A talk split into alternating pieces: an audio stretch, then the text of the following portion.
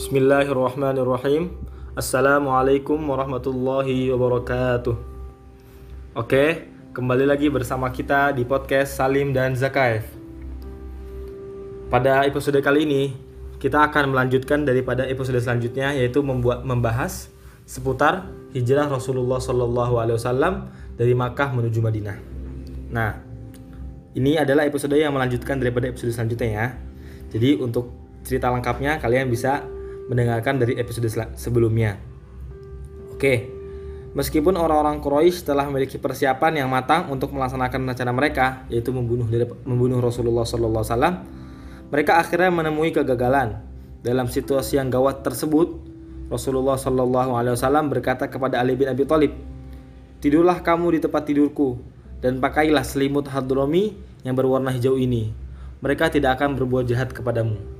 Selimut yang dipakai Ali tersebut adalah selimut yang biasa dipakai oleh Rasulullah SAW ketika beliau tidur. Kemudian Rasulullah SAW keluar melewati mereka, melewati orang-orang Quraisy yang sedang tidur itu. Mereka tidur di sekitaran rumah Rasulullah SAW menunggu tengah malam untuk membunuh beliau. Nah, beliau melewati mereka, kemudian beliau mengambil, mengambil segenggam tanah dan menaburkannya ke atas kepala mereka sebelum baca ayat waja'alna min baini aydihim sadda wa min khalfihim sadda fa'aghshaynahum fahum la. Surah, surah Yasin ayat ke-9. Maka Allah pun menutup mata mereka sehingga mereka tidak dapat melihat beliau. Tidak seorang pun dari mereka yang tidak ditaburi tanah kepalanya di kepalanya. Kemudian beliau berjalan menuju rumah Abu Bakar. Setelah itu beliau bersama Abu Bakar keluar melalui pintu kecil di belakang menuju Gua Thur ke arah Yaman. Sementara itu, kaum musyrikin mengepung rumah beliau, menunggu sampai tengah malam. Namun sebelum tiba saatnya, kegagalan mereka telah terungkap. Mereka didatangi oleh seseorang yang tidak ikut bersama mereka. Orang tersebut telah melihat mereka dari pintu rumahnya, dari kejauhan gitu. Mungkin orang tersebut adalah tetangga Rasulullah SAW gitu. Sambil berkata, kalian menunggu apa? Mereka menjawab, menunggu Muhammad. Kemudian orang tersebut berkata lagi, kalian telah gagal, demi Allah. Dia tadi telah melewati kalian, dia telah menaburkan tanah di atas kepala kalian, lalu pergi untuk menunaikan keperluannya. Mereka berkata, Demi Allah, kami tidak melihatnya. Mereka kemudian membersihkan tanah dari kepala mereka. Jadi mereka baru nyadar kalau ada tanah gitu di kepalanya. Sebelumnya nggak nyadar. Meskipun demikian, mereka berusaha melihat dari celah-celah rumah pintu, uh, pintu rumah Rasul. Barangkali beliau masih ada di dalam. Mereka melihat Ali dan mengira dia adalah Rasulullah Shallallahu Alaihi Wasallam. Mereka berkata, demi Allah, ini Muhammad sedang tidur, memakai selimutnya. Mereka pun tetap dalam keadaan seperti itu sampai pagi. Kemudian Ali bangun dari tempat tidur, lalu jatuh di tangan mereka. Mereka menanyakan Rasulullah SAW kepadanya, dan Ali menjawab, "Saya tidak tahu sama sekali tentang beliau." Kemudian Rasulullah SAW meninggalkan rumah Abu Bakar pada malam 27 Safar tahun 14 dari kenabian atau 12 sampai 13 September tahun 622 Masehi. Selanjutnya uh, men, uh, beliau meninggal, meninggalkan Makkah sebelum terbit fajar. Nah, Nabi Muhammad SAW mengetahui bahwa orang-orang Quraisy akan mencari mereka berdua dan jalan yang pertama kali diincar oleh mereka pastinya adalah jalan utama menuju Madinah yaitu jalan ke arah utara. Maka beliau menempuh arah yang berlawanan yaitu jalan yang uh, mengarah ke selatan yaitu menuju arah Yaman. Beliau menempuh jalan ini sejauh 5 mil sampai tiba di suatu gunung yang dikenal dengan Gunung Sur. Gunung Sur adalah suatu gunung yang tinggi, sulit dilalui dan banyak batunya. Sehingga kaki Rasulullah SAW pun nyeri ketika memanjat gunung tersebut.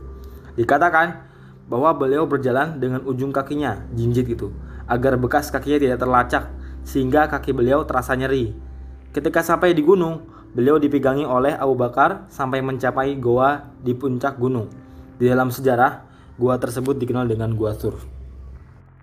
Nah, setelah sampai di gua, Abu Bakar berkata, "Demi Allah, janganlah Anda masuk sebelum saya masuk.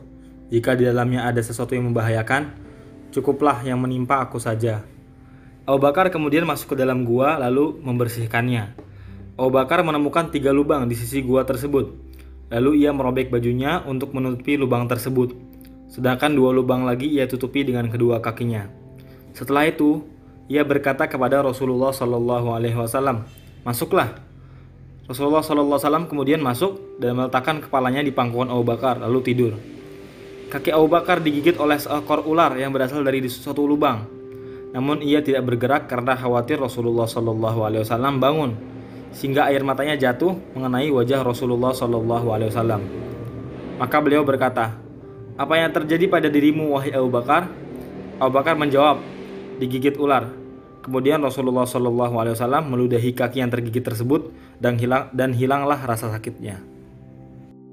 Rasulullah SAW dan Abu Bakar bersembunyi di dalam gua tersebut selama tiga malam, yaitu malam Jumat, Sabtu, dan Ahad. Abdullah bin Abu Bakar ikut bermalam bersama mereka berdua. Aisyah berkata, dia, yaitu Abdullah bin Abu Bakar, adalah seorang remaja yang cerdas. Menjelang subuh, dia sudah pergi meninggalkan mereka berdua dan pagi hari dia sudah berada di tengah-tengah Quraisy, seolah-olah seolah-olah seperti orang yang bermalam di Makkah. Setiap mendengar perkara yang berkaitan dengan rencana jahat terhadap Rasulullah Shallallahu Alaihi Wasallam dan Abu Bakar, ia selalu tanggap terhadapnya. Sehingga ketika hari sudah gelap, dia datang kepada mereka berdua untuk menyampaikan berita-berita yang telah disadapnya. Di samping itu, Amir bin Fuhairoh, mantan budak Abu Bakar, menggembalakan kambing untuk mereka berdua Ketika petang, ia menggiring kambing itu kepada mereka berdua, sehingga malam itu mereka meminum susu segar dari kambing tersebut. Dan di akhir malam, yaitu maksudnya waktu subuh gitu, akhir malam, Amir bin Fuhairoh menggiring kembali kambing-kambing itu ke Makkah. Hal itu ia lakukan setiap malam selama tiga malam tersebut. Sambil menggiring kambing, Amir bin Fuhairoh mengikuti jejak Abdullah bin Abu Bakar yang telah pergi ke Makkah untuk menghilangkan jejak tersebut. Jadi maksudnya selama tiga hari tiga malam Rasulullah berada di Gua Sur, Rasulullah dan Abu Bakar tidak serta merta diam sendiri gitu. Beliau dibantu oleh Abdullah anaknya Abu Bakar yang bertugas sebagai intel. Jadi Abdullah datang kepada Rasulullah dan Abu Bakar pada malam hari dan pada pagi hari ia telah berada kembali ke Makkah gitu. Jadi sebagai informan dan juga ada Amir bin Fuhairah sebagai supply makanan. Nah, gitu yaitu membawakan kambing-kambing agar diminum susunya oleh Rasulullah dan Abu Bakar. Kemudian orang-orang Quraisy bertambah kalap ketika mengetahui secara yakin bahwa Rasulullah Shallallahu Alaihi Wasallam telah lolos di pagi hari malam pelaksanaan rencana jahat mereka gitu. Maka pertama kali yang mereka, lakukan dalam hal ini adalah memukul Ali, membawanya ke Ka'bah dan menahannya sementara untuk diminta keterangan tentang mereka berdua. Setelah tidak berhasil memperoleh keterangan dari Ali, mereka mendatangi rumah Abu Bakar. Mereka mengetuk pintu rumah Abu Bakar, lalu keluarlah Asma binti Abu Bakar. Mereka bertanya kepada Asma, "Di mana ayahmu?"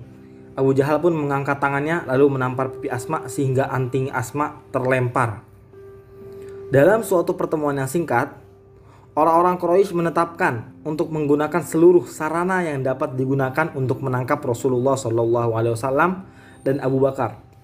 Seluruh jalan yang menghubungkan ke Makkah dijaga ketat oleh pengawas yang dipersenjatai lengkap. Di samping itu, juga ditetapkan bahwa kepada siapa yang berhasil menangkap Rasulullah SAW dan Abu Bakar dan membawa kembali kepada orang-orang Quraisy dalam keadaan hidup maupun mati akan diberikan 100 ekor unta sebagai imbalan dari penangkapan satu orang di antara mereka berdua. Jadi kalau dapat dua-duanya dapat 200 unta gitu. Mendengar tawaran itu, orang-orang berupaya untuk mencari keduanya.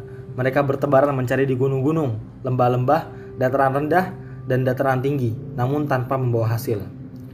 Para pencari itu telah sampai ke pintu gua, tetapi Allah berkuasa terhadap urusannya. Imam Bukhari meriwayatkan dari jalur Anas dan dari Abu Bakar, ia berkata, Aku bersama Nabi Muhammad SAW di dalam gua. Ketika aku mengangkat kepala, aku melihat kaki-kaki kaum musyrikin Lalu aku berkata, Wahai Nabi Allah, seandainya mereka melihat ke bawah, yaitu menunduk, karena kan gue tuh posisinya rendah gitu guanya. Jadi cuma bisa dilihat kalau nunduk gitu. Tentu mereka melihat kita. Beliau menjawab, Diamlah wahai Abu Bakar, selain kita berdua adalah ada Allah sebagai pihak yang ketiga. Dalam riwayat lain dikatakan, Wahai Abu Bakar, jangan kamu kira kita hanya berdua, Allah bersama kita. Sungguh merupakan mukjizat yang dipergunakan oleh Allah untuk memuliakan nabinya Muhammad SAW. Para pelacak itu kembali, padahal jarak antara mereka dengan beliau sangat dekat sekali. Kegiatan pencarian Nabi Muhammad SAW berhenti dan orang-orang Quraisy pun berputus asa setelah selama tiga hari berturut-turut melakukan pencarian tanpa membawa hasil. Maka Rasulullah SAW dan sahabatnya bersiap untuk berangkat ke Madinah. Sahabat ini Ustaz Abu Bakar ya, jadi berdua gitu loh. Keduanya telah menyewa Abdullah bin Uraiqid al-Laythi ke Madinah. Ia adalah seorang pemandu yang mengenal betul arah jalan dan masih menganut agama orang-orang kafir Quraisy. Jadi Abdullah ini kafir, tapi mau bekerja sama dengan Rasulullah karena dibayar gitu. Keduanya telah menaruh kepercayaan kepadanya dalam hal pemanduan tersebut, menyerahkan kedua kendaraan mereka kepadanya dan menjanjikan kepadanya untuk datang, datang ke Gua Thur dengan membawa kedua kendaraan mereka. Tiga malam yang akan datang. Jadi Rasulullah itu udah deal sama Abdullah sebelum pergi ke Gua Thur gitu. Jadi tiga hari kemudian nanti kamu datang ke gua inilah. Jadi gitu loh. Jadi Rasulullah sudah memplanning sebelumnya. Nah pada malam Senin awal Rabiul Awal tahun 1 Hijriah atau 16 September tahun 622 Masehi Abdullah bin Uraiqid datang kepada mereka berdua dengan membawa kedua kendaraan mereka. Asma binti Abu Bakar datang membawa bekal untuk keduanya. Tapi dia lupa mengingkatnya dia baru mengetahui hal itu ketika hendak menggantungkan bekal tersebut.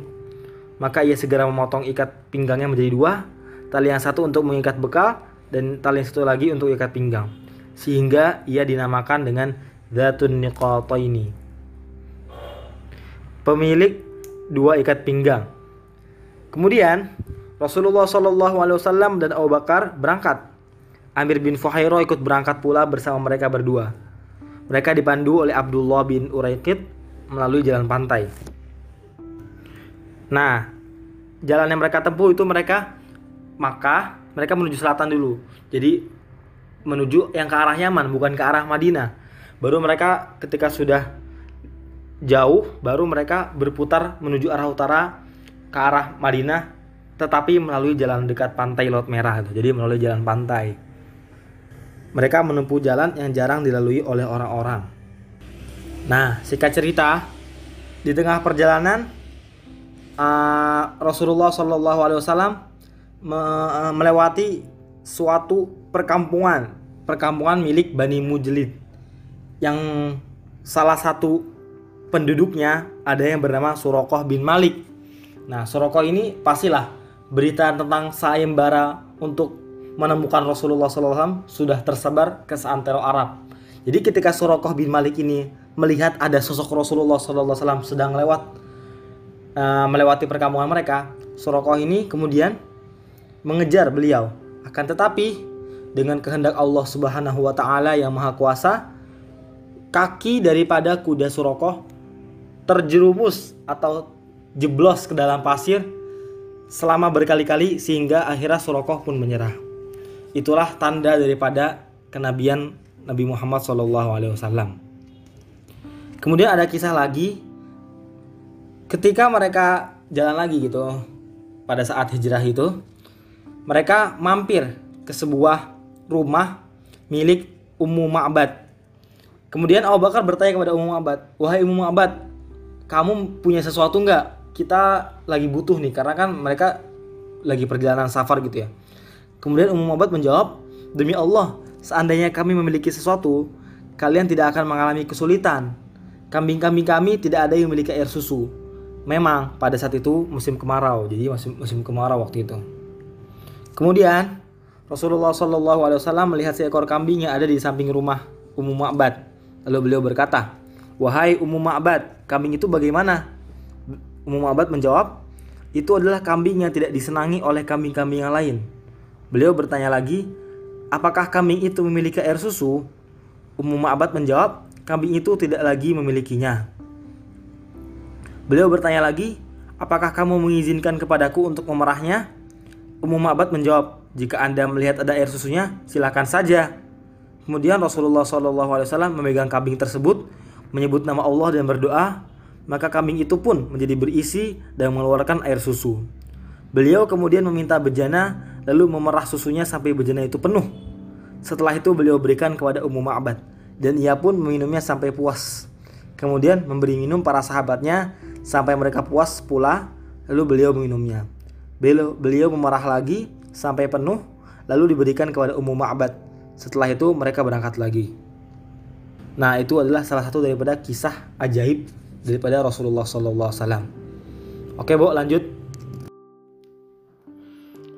Oke, aneh lanjutin. Jadi setelah Rasulullah melakukan perjalanan panjang bersama Abu Bakar, akhirnya Rasulullah tiba di Kuba pada hari Senin tanggal 8 Rabiul Awal tahun ke-14 Nubuah atau pada tahun Masehinya tahun 622 Masehi. Di Kuba ini Rasulullah bersama Abu Bakar nginep di rumah Kulthum bin Al-Hadum. Ada juga yang mengatakan di rumahnya Sa'ad bin Khaisamah. Terus setelah itu akhirnya Ali bin Abi Thalib menyusul Rasulullah untuk hijrah dan bertemu dengan Rasulullah di Kuba. Ali bin Abi Thalib juga nginep di rumah Kulsum bin Al-Hadam. Rasulullah nginep di Kuba selama empat hari yaitu pada hari Senin, Selasa, Rabu, dan Kamis. Di sana beliau mendirikan masjid pertama yaitu Masjid Kuba. Di sini Rasulullah ngedirin Masjid Kuba. Nah, sementara di Madinah orang-orang Madinah ini udah nungguin kedatangan Rasulullah. Setiap pagi mereka datang ke tanah lapang buat ngeliatin ada Rasulullah datang nggak atau ada tanda-tanda rombongan Rasulullah datang nggak. Sampai siang sampai udah panas menyengat kepala mereka. Ketika ketika nggak ada kabar Rasulullah datang akhirnya mereka kembali ke aktivitas masing-masing gitu terus setiap hari. Hingga Rasulullah berangkat ke Madinah pada bulan Rabiul Awal setelah sholat Jumat di Kuba Rasulullah berangkat ke Madinah nah di situ kebetulan di Madinah ada seorang Yahudi lagi naik ke atas benteng untuk melakukan suatu keperluan.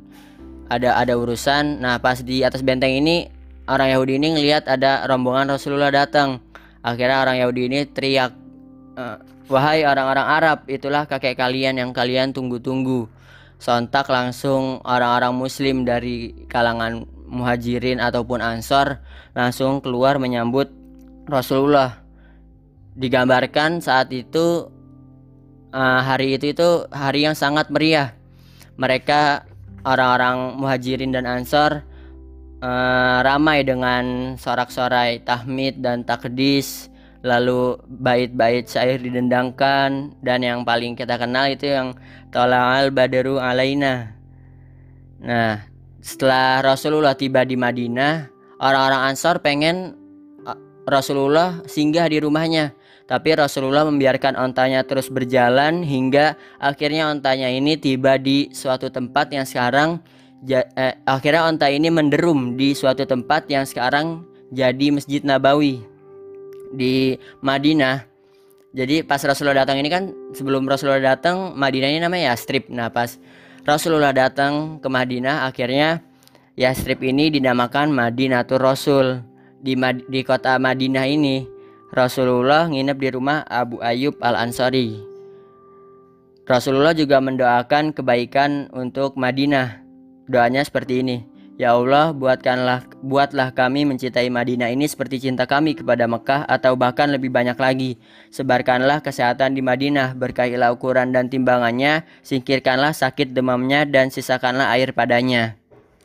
Nah, setelah Rasulullah datang ke Madinah itu, beberapa hari kemudian datang keluarga-keluarga beliau seperti istri-istri beliau kayak uh, mis, uh, seperti Sa Sauda, kedua putri kedua putri beliau Fatimah dan Ummu Kulsum, terus uh, Usama bin Zaid, Ummu Aiman, Abdullah bin Abu Bakar dan seluruh keluarga Abu Bakar yang udah masuk Islam termasuk Aisyah. Tapi Zainab itu masih di Mekah soalnya Zainab ini suaminya Abul As masih di Mekah. Zainab nggak memungkinkan untuk hijrah. Zainab ini baru hijrah pas perang Badar, setelah perang Badar. Nah, begitulah kisah perjalanan Rasulullah ke Madinah dan gambaran sedikit awal kedatangan Rasulullah di Madinah. Setelah uh, kedatangan Rasulullah di Madinah ini menandakan berakhirnya periode pertama Rasulullah periode Mekah. Nah, selanjutnya akan ada periode baru yaitu periode Madinah. Mungkin hanya ini dari kami. Mohon maaf bila ada kesalahan. Wassalamualaikum warahmatullahi wabarakatuh.